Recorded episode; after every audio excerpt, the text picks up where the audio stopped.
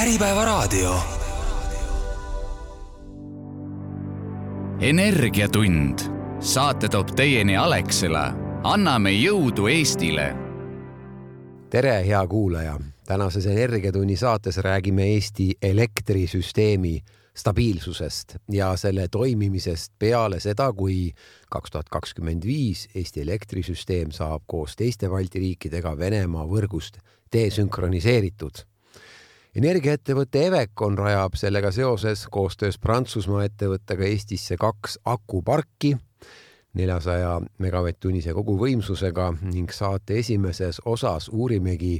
ettevõtte tegevjuhilt Karl Kullilt, miks taoline projekt ette võetakse ja kuidas see Eesti elektrisüsteemi stabiilsusele kaasa aitab. oma kommentaari elektrisüsteemi stabiilsuse osas annab saate teises osas ka Alexela juht Martti Hääl kahe tuhande kahekümne viiendaks aastaks on Eesti planeerinud koos Balti riikidega oma elektrivõrgu desünkroniseerida Venemaa võrgust.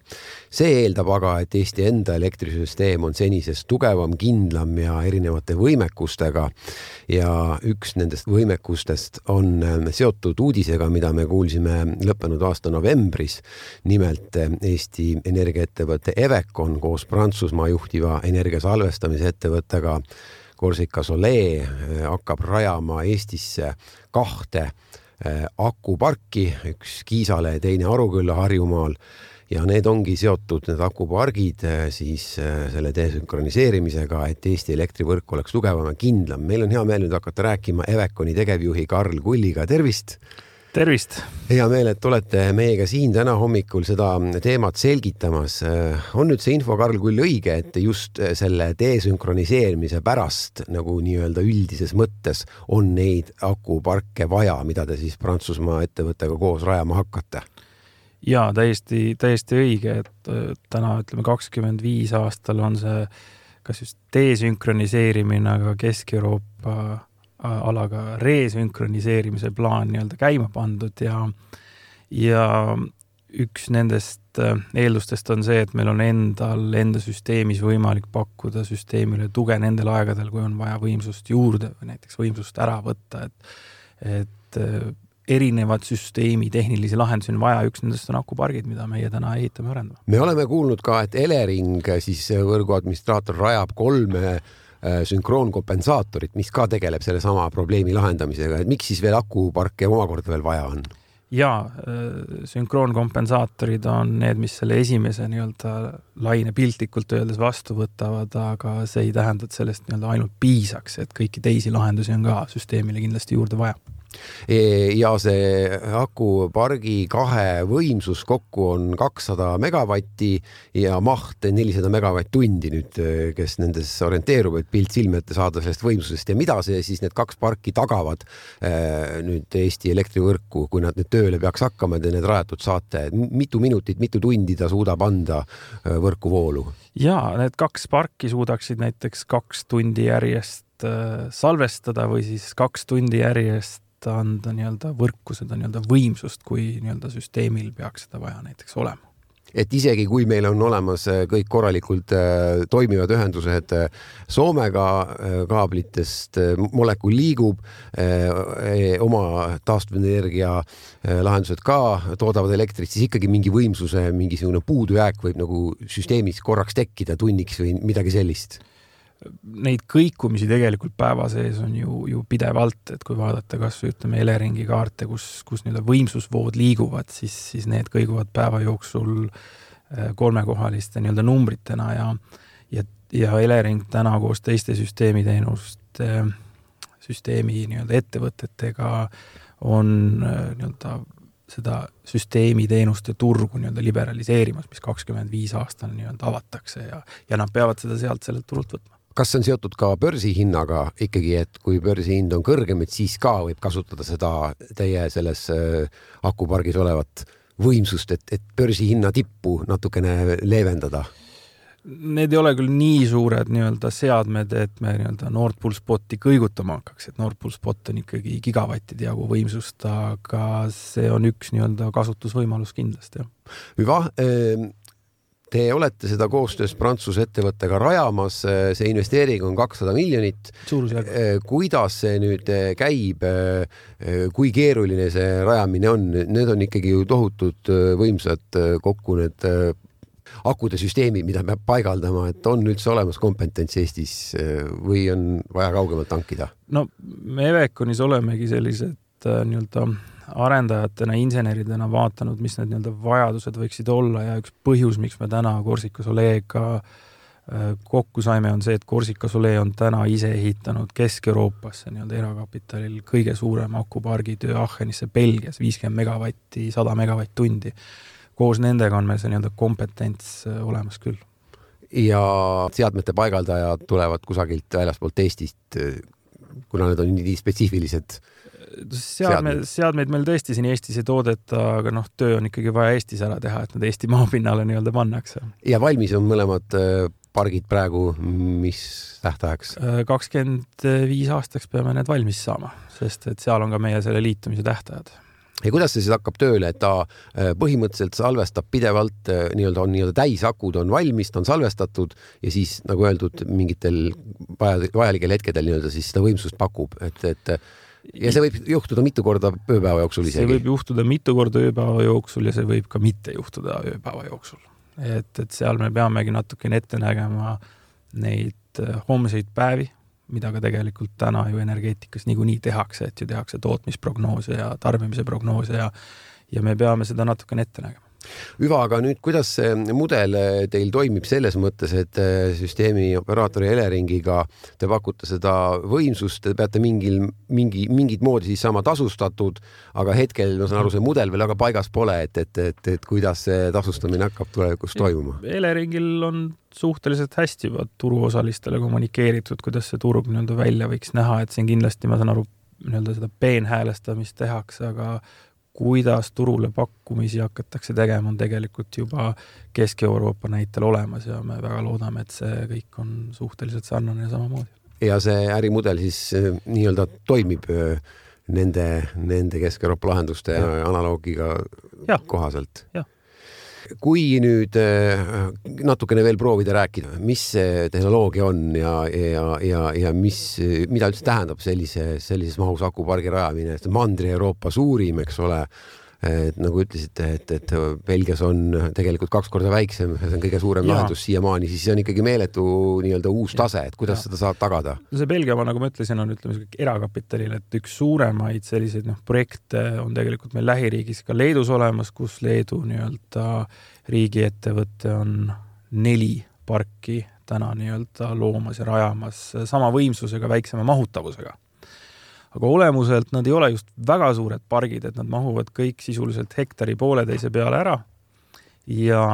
ja nad on äh, nii-öelda natukene suuremad akud, kui pannakse elektriautodesse, nad on sellises enamjaolt konteiner kujul ja kui keegi, ütleme täna meie parkides peaks mööda sõitma, siis nad vaataksid, et võib-olla see on üldse lihtsalt alajaama osa, kui mitte midagi muud, et, et ega nad väga silmapaistvad ei ole, et nad ei laiu sellisel suurel maa-alal näiteks nagu päikesepargid või tuulepargid. aga süsteemi nii-öelda töö põhimõtte poolest on need akud sarnased näiteks elektriautode akudega, lihtsalt neid on rohkem kokku kogutud ja üheks süsteemi ühendatud? jah, ja väljundvõimsus on näiteks suur. mis selliste akude tööiga tänapäeval on? See on hea, see on hea alati küsimus. kõik oleneb sellest, kui palju neid tsükleid äh, käidatakse. aga meie nii-öelda projektis on ikkagi ette nähtud senikaua, kuni nii-öelda seda teenust vaja pakkuda on, et neid parke, pargi teatud mooduleid ja osasid peab kindlasti aeg-ajalt välja vahetama, aga ta ei ole selline park, et nüüd ta on näiteks kümme või viis aastat ära, nüüd lõpetame ära, et meie nii-öelda projekti kestvuseks on ikkagi nähtud kümneid aastaid, kümneid aastaid ära, kümmekond, kümmekond, kümmekond aastat. Elering ütleb, et äh, salvestusparkide rajamiseks on tagatise maksnud juba liitujaid üle tuhande megavati eest. Teie siis olete, ma saan aru, kõige esimene või üks esimestest vähemalt, kes selle ära maksis nüüd ja. selle kahe pargi eh, eest. kas te olete ka lisaks juba järgmiste parkide eest maksnud, on veel plaanis taolisi taolisi lahendusi veel Eestis teha edaspidi ka? ja meil on äh, sama palju veel, ütleme, Eleringi liitumistaotlusi sisse antud ja, ja makstud neid rahasid. kas saate öelda ka, kui palju tuli tagatist maksta? me saime maksta, ütleme, liitumise hindasid, et, et seal selle seadusandluse muudatusega oli võimalik maksta ka nii-öelda neid ennakmakseid, mida me tegime. Kuidas üldse tundub praegu see seadusandlus ja võrguga liitumise etapid, on nad praegu Eestis paigas piisavalt hästi või on midagi, annaks parandada? kõige tähtsam ja, ja tegelikult me, me täna näeme, et ka ütleme, riik on neid samme nagu tegemas, kõige tähtsam on võtta, ütleme, tehnoloogilised äh, piirangud ära, et, et ei oleks, ütleme, käsitlust, kas on ühte tüüpi või teist tüüpi või kolmandat tüüpi nii-öelda tootmisseade, et Kesk-Euroopas on sul kas sünkroonseade äh, või asünkroonseade, mis on liitumis nii-öelda punkti taga, ehk siis kas sul on inverter või pöörlemass. ja see on ainuke asi, mis tegelikult täna tähtsust omab et kõige tähtsam ongi see, et, et nende liitumispunktidega, olenemata sellest, kas on meie või kellegi teise oma, saab võimalikult kiirelt näiteks ümber häälestada nii-öelda kas põlevkivijaamadest või päiksejaamadest või tuulejaamadest nii-öelda akutehnoloogiateks ja vastupidi. sest et me täna läheme vastu suhteliselt pretsedenditule olukorrale, kus me lülitame ennast ühest süsteemist lahti ja ühendame uue süsteemiga. ja siin on nii-öelda inglise keeles all hands on tech, et mis iganes tehnoloogia või võrguressursi võimekus on, neid peab saama kiirelt ümber optimeerida, kui on vaja. Põnev teema on ka loomulikult äh, uued äh, lahendused akutehnoloogias, et, et ütleme, et kui me võtame viie aasta pärast, siis võib-olla need akud, mis te praegu olete paigaldanud, juba on vananenud turul, et kuidas see hinnang on teil? see, see tehnoloogia energeetikas täna muutub iga poole aastaga sisuliselt, tuleb uusi tehnoloogiaid peale. millal nad on kättesaadavad ja tellitavad, on teine küsimus. aga kui me võtame näiteks noh, täna keskmiselt, ütleme keskmine selline tuulik kakskümmend kakskümmend aastal, mis, mis tootis ühe megavati kohta kaks gigavatt-tundi, siis tänased tuulikud ühe megavati kohta toodavad juba äh, kolm pool, neli gigavatt-tundi aastas, et, et noh, väikese ajaga on kahekordselt nii-öelda see nii-öelda kasv toimunud, et ja akumaailmas toimub see samamoodi. jah, et nagu te tõite ka näite, et teil on plaanis siis tulevikus nii-öelda hakata uuendama vajaduse korral seda tehnoloogiat, et Täpselt. siis kannatab panna uue tehnoloogiaga akusid nii-öelda vanade eh, külge ja üheks süsteemiks just, ühendada. just ja, ja see, ja see nii-öelda võtmeküsimus ongi just ne, see nii-öelda see ligipääs võrgule, et seesama liitumispunkt, kui ta tehniliselt seda kannatab, saab neid vahetada. saab teha efektiivsemaid, äh, kiiremini reageerivaid ja nii edasi, et tegelikult insener-tehniliselt takistusi ei ole. aga mis teie hinnang on tulevikuprognoos, kas tulevikus see põhimõtteliselt võib muutuda, et kuidas energiat salvestama hakatakse või see jääb ikkagi sellisel samal keemilisel protsessil põhineva äh, aku äh,, akule põhinevaks äh, või on mingisugused uued tehnoloogilised, täiesti revolutsioonilised jõudmas turule, ma ei tea, kümne aasta pärast? ma arvan, et siin võib jõuda midagi revolutsioonilist turule juba viie aasta jooksul, et noh, kui me oma nii-öelda pargid valmis saame, siis on meil juba kaks suurt erinevat salvestustehnoloogiat, üks on, eks ju, hooratas, mis on see sünkroonkompensaator ja meie nii-öelda keemiline aku on, on redox akud, siin räägitakse, ütleme, pump, pumphüdrojaamadest, mis nii-öelda salvestaksid, mis on nii-öelda igati põnev ja, inseneridena on see, seda, selles maailmas täna lahe olla. kas see, seesama pumphüdrojaamasid Evecon ei planeeri, need on suuremahulised ja pikaajalised projektid? meie täna ei ole oma äriplaani pumphüdrojaamasid võtnud, jah. Äh, Eveconi üldine hinnang ka siia lõpetuseks äh, Eesti börsielektrile ja gaasibörsile, et mis nüüd kaks tuhat kakskümmend neli toimuma hakkab, et, et kas energiakriis on nüüd see, mis meil siin oli sõja alguses ja see, mis siin aasta tagasi kummitas ja kaks, poolteist aastat tagasi, see on minevik ja me saame enam-vähem stabiilseid energiahindasid nautima hakata, et kuna taastuvenergiat tuleb järjest juurde, kuidas teie hinnang on? Äh, no see kakskümmend kaks aasta näitas tegelikult, kui nii-öelda tundlik võib energia nii-öelda turg tegelikult olla. üks sündmus ja järsku oli kõik, ütleme, kaunis, ütleme, ekstreemne et senikaua, kuni ma ei ütleks, et nii-öelda stabiilne periood on maailmas, siis, siis ta on tõenäoliselt stabiilselt kasvav, sest et äh, inimesed suudavad tarbida rohkem, elektrit tarbitakse rohkem, energiat tarbitakse rohkem, elektrifitseerimine toimub. mis tähendab seda, et nõudlus selle järgi ikkagi kasvab. ja, ja kui mingisuguseid selliseid ekstreemseid sündmusi maailmas ei toimu, siis ta on vähemalt ütleme sellise joonlauaga prognoositav. aga see nii-öelda pigem näitab täna sellist mõõdukat kasvu, mida ta on ajalooliselt näidanud, et viimased viisteist, kakskümmend aastat, enne kakskümmend kaks aastat keskmiselt kuni viis protsenti aastas energia hind kasvas. aga väga äh, konkreetselt ja lühidalt äh, tarbijale, kas soovitate börsihinnaga tarbida või fikseerida? Äh, ja, kes, kes on milline tarbija, kui, kui tarbite päeval rohkem, siis on ju hea fikseerida, kui tarbite õhtul rohkem. Tänases nii-öelda äh, nii-öelda dünaamikas, siis võib-olla võidate börsiga rohkem. Ja oleneb sellest, kas on näiteks elektriauto, kas tööstus ja nii edasi, et iga tarbija jaoks ütlen ausalt, siin on eraldi soovitus. nii et tasub olla nii-öelda ise tark ja, ja paindlik ja lähtuda oma tarbimisest, mis on kasulik. ja kakskümmend kaks aasta näitas, et kõik on palju teadlikumad oma elektrihindade ja tarbimise osas, et tegelikult noh, selline peidetud äh, nii-öelda kasu sellest kahekümne kahe aasta elektri hinna kõikumistest suur aitäh, Eveconi tegevjuht eh, Karl Kull nende eh, nõuannete ja selle info eest. aitäh teile. Jätkame nüüd eh, Eesti elektrisüsteemi stabiilsusest kõnelevat saadet ja nüüd on meil telefoniühendus Alexela juhi Martti Häälega, tervist. tervist nagu me teame, Eesti kavatseb siis koos teiste Balti riikidega kahe tuhande kahekümne viiendaks aastaks ennast Venemaa elektrivõrgust desünkroniseerida milliseid väljakutseid see Eestile teie hinnangul toob kaasa? Noh, neid väljakutseid on kindlasti palju ja, ja, ja nendega on ka juba aastaid tegeletud, alustades põhivõrguettevõtja Eleringi ähm, siis eestvõttel toimuvate investeeringutega ähm,, mis, mis peaksid selle süsteemi toimekindlust äh, tagama ja, ja, ja ma arvan, et, et, et need ka seda teevad või ühesõnaga seda suudab Elering kindlasti kõige paremini kirjeldada ja ma usun, et see on neil kontrolli all. teine pool on, on see, mis puudutab turu, elektrituru arengut, et see, mis mind tihti nagu mõtlema paneb, on, on ikkagi see, et me suudame teha küll niisuguseid üksikuid otsuseid, on need seal sagedusreservide loomiseks, äh, sünkroonkompensaatorite investeeringud siis äh, äh, riigi või, või riigiettevõtte poolt ja, ja nii edasi, aga, aga, aga noh, eraettevõtjana vaadates siia tunduks, et, et tark oleks alustada tururegulatsiooni disainist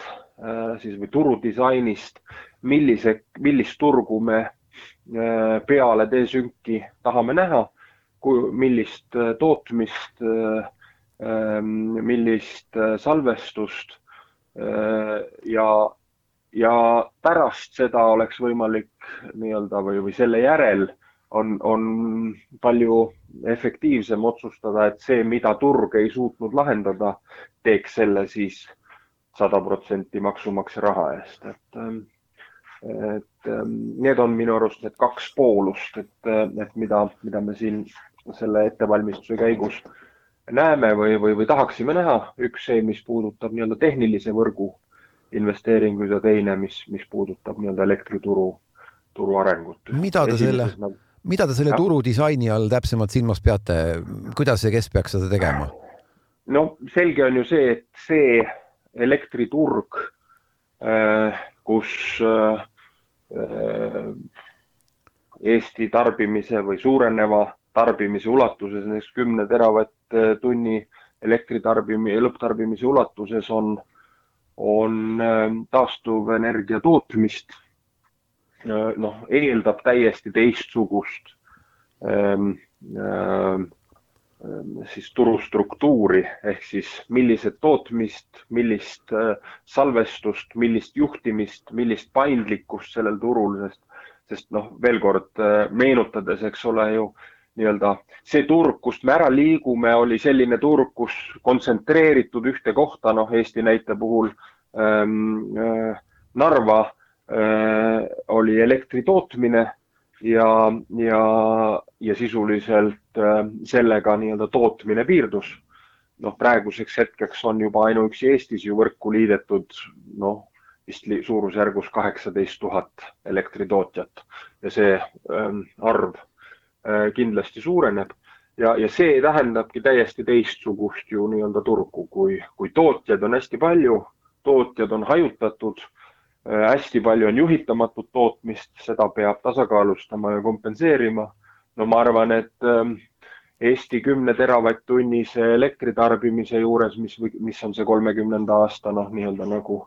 prognoos või, või, või, või siht, siis sihuke mm, üks koma viis kuni kaks teravatt-tundi äh, peaks salvestust kindlasti olema selleks, et see, äh, et see hind oleks võimalikult taskukohane ja, ja konkurentsivõimeline siis lõpptarbija jaoks praegu ongi Elering öelnud, et, et, et akuparkide konkreetseid liitumistaotlusi on äh, üle tuhande megavati eest esitatud ja no teie konkurent ettevõte äh, Evecon on ühte või tähendab kahte akuparki ehitamas, aga need mahud on kokkuvõttes ikkagi üsna väiksed, et äh, ma saan aru, et nende, nende numbritega midagi olulist siiski nagu head ära ei suuda teha elektrivõrgu jaoks. ja noh, esiteks ähm, mul on väga hea meel selle Eveconi initsiatiivi üle, väga loodan, et see initsiatiiv ei, ei kustu äh,. Aga, aga noh, selge on see, et null koma neli gigavatt-tundi viiteist või kahtekümnesse gigavatt-tundi täpselt nii suhtubki, nagu see matemaatika praegu ütleb, et ei lahenda midagi, aga, aga, aga kindlasti on, on, on oluline äh, algatus. ega siis äh, akulahendusi mm, äh, tehakse äh, üle Eesti ja, ja, ja, ja paljudes kohtades, mitte ainult see üks, eks ole, ega meie ju äh, paljude nii-öelda tarbimiste juurde ja paljude tootmiste juurde selle paindlikkuse saavutamiseks nii-öelda virtuaalse elektrijaama äh, mõttes seda oleme juba aastaid ka arendanud, aga, aga noh, selge on see, et ma isegi ütleks, et akulahendus ei ole selles mõttes äh, Äh, ainus, äh, mis vajalik on, sest on vaja ka pikemaajalist salvestust. Ja, ja, ja neid tehnoloogiaid on, on mitmeid, et ainult sellise noh, tüüpiliselt nimetatakse kahetunnise aku lahendusega ei, ei saa veel süsteemi öö, optimaalsust tagada üks nendest on äh, siis vesisalvesti suuremahuline, milles ka Alexela osaleb, eks ole, pikaajaline projekt äh, Paldiskisse rajatav. kas veel midagi saaks välja tuua, mis need lahendused siis on, mis seda pikemat kui kahetunnist äh, stabiilsust tagaksid? ja no vesisalvesti on kindlasti maailmas noh, kõige levinum pikaajalise elektrisalvestuse viis, eks ole ju, et kõigi noh, raadiokuulajale võib-olla kõige lihtsam viide on see, et enamus tuumaelektrijaamade juhitavust tekitatakse, noh, konventsionaalsete jaamade juhitavus siiani on tekitatud läbi, läbi erinevate vesisalvestite. noh, kindlasti nii-öelda ähm, mingisugust rolli siis pikaajalisel äh,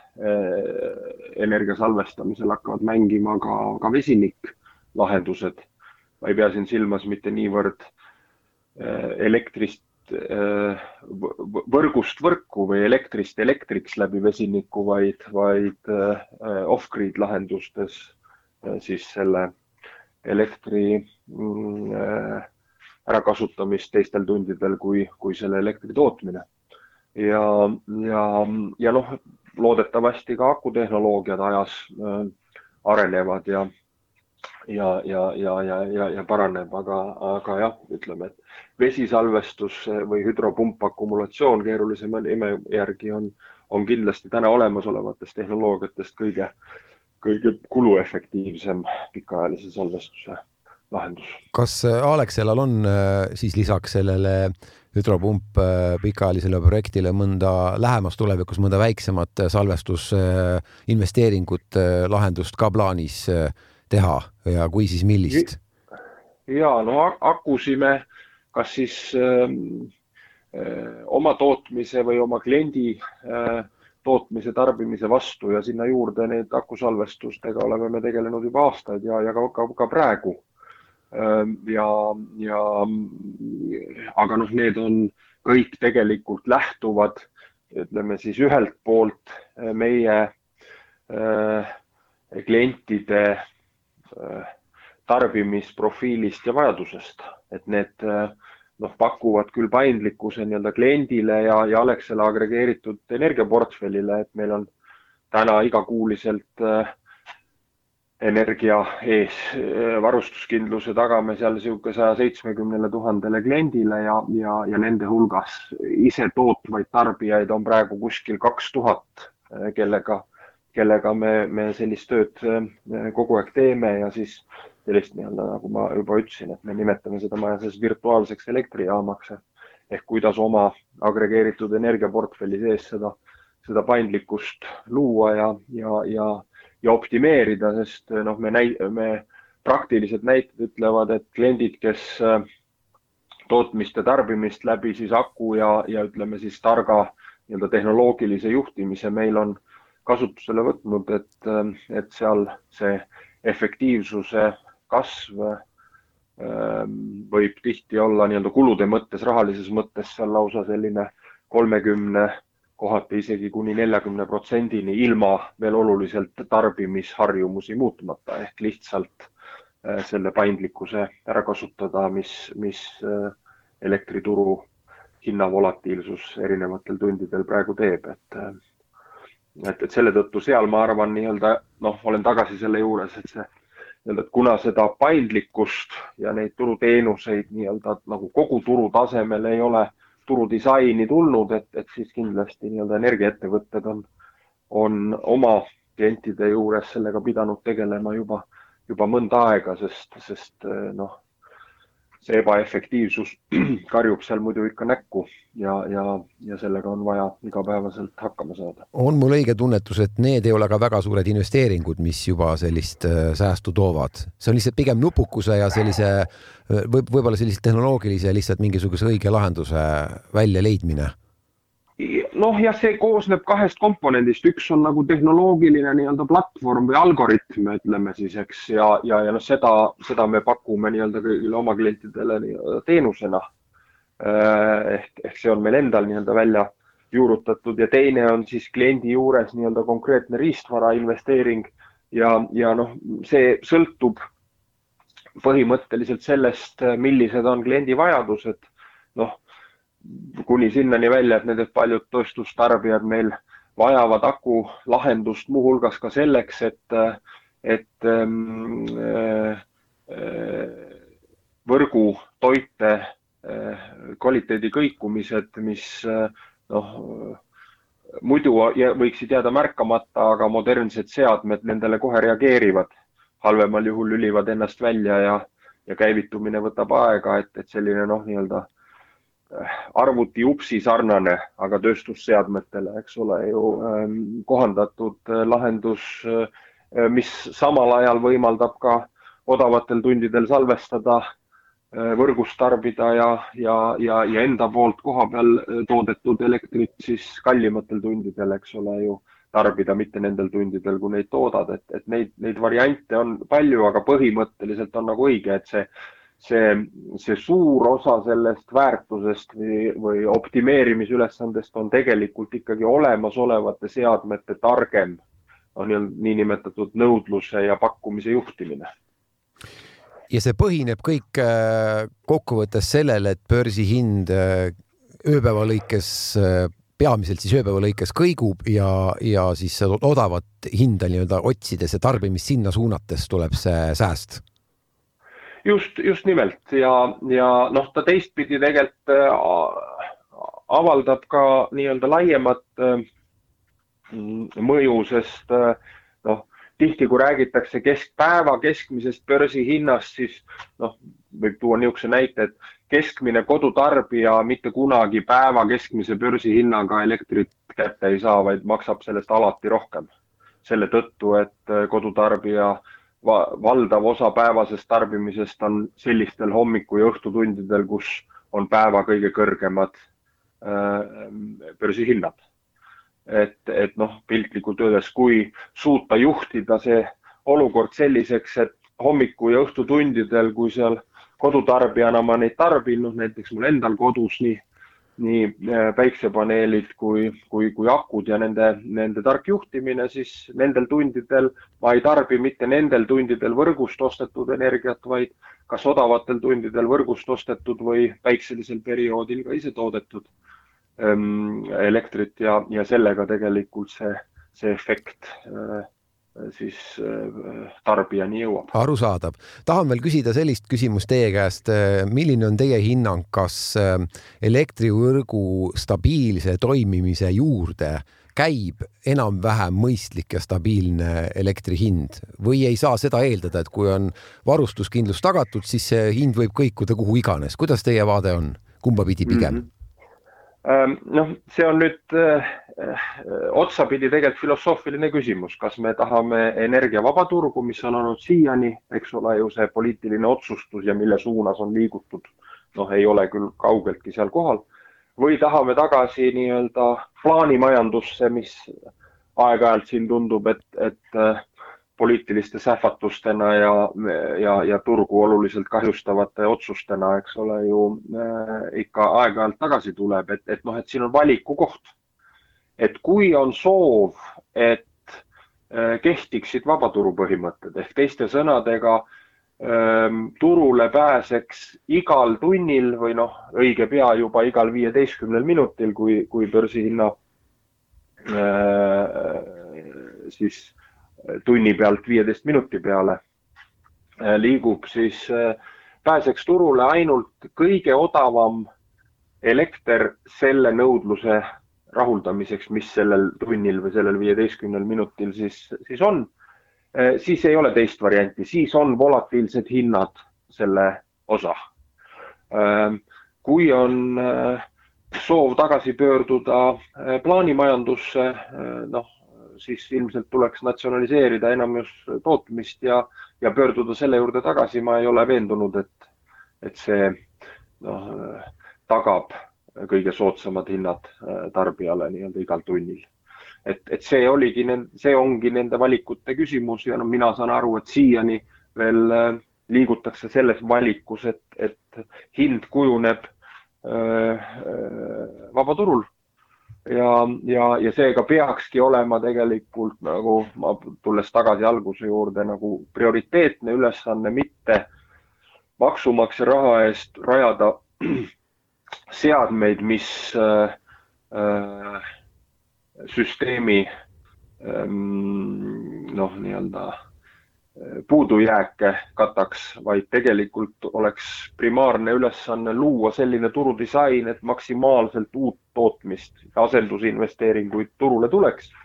ja alles siis tuleks tegeleda nii-öelda erinevate elektrisüsteemi osadega, kui on selge, mida vabaturg ei lahenda. täna mulle tundub, et me oleme ikkagi aastaid liikunud teises suunas, et et otsustame ja, ja investeerime maksumaksja raha paljudesse seadmetesse, aga, aga turu areng on, on jäänud äh, veidi, veidi unarusse selle kõrval ma lõpetuseks äh, tahan küsida, Martti Hääl, teie käest ikkagi tulles tagasi selle Venemaa võrgust lahti desünkroniseerimise juurde, tahaks küsida teie käest ka hinnangut. Äh, loomulikult on see väga keeruline vastata, et kui suur risk on teie hinnangul, et Venemaa teeb seda ise nüüd veel siin raskel hetkel, külmal ajal, võib-olla näiteks äh, ise kiiremini, kui me selleks valmis oleme, näiteks alanud aastal juba mis riskitase, riskihinnang teil, teil on selle, selle stsenaariumi kohaselt? see on tõesti raske küsimus selle tõttu, et, et mingit ratsionaalsust me oleme ju näinud selle idanaabri otsuste taga ei, ei pruugi ilmtingimata olla. ma ise usun, et me süsteemid on siis nii Eesti kui, kui naabrite süsteemihaldurite poolt piisavalt hästi hinnatud selleks, et kõigi selliste nii-öelda äh, tavapäraste kriisidega saadakse igal juhul hakkama, et, et loomulikult selle vastu, kui juhtub midagi väga erakorralist, äh, noh, nagu Balticconnectoriga juhtus või, või siis, siis ongi raske alati äh, lõpuni valmis olla. aga, aga, aga ma siiski isiklikult tahaks uskuda nii-öelda võib-olla positiivse noodiga, et ma arvan, et, et kui meie idanaabril oli plaan meid äh, nii-öelda ennetähtaegselt jõuga desünkroniseerida ja meid seeläbi karistada, siis, siis ta oleks seda juba praeguseks teinud, sest mida päev edasi, seda väiksem negatiivne mõju sellest meile on tänases saates rääkisime Eesti elektrisüsteemi stabiilsusest ja selle toimimisest. saate esimeses osas kõneles Eveconi tegevjuht Karl Kull Eestisse rajatavatest akuparkidest ning saate teises osas andis elektrisüsteemi stabiilsusele oma hinnangu Alexela juht Martti Hääl. mina olen saatejuht, toimetaja Lauri Leet. uue saatega kuu aja pärast kuulmiseni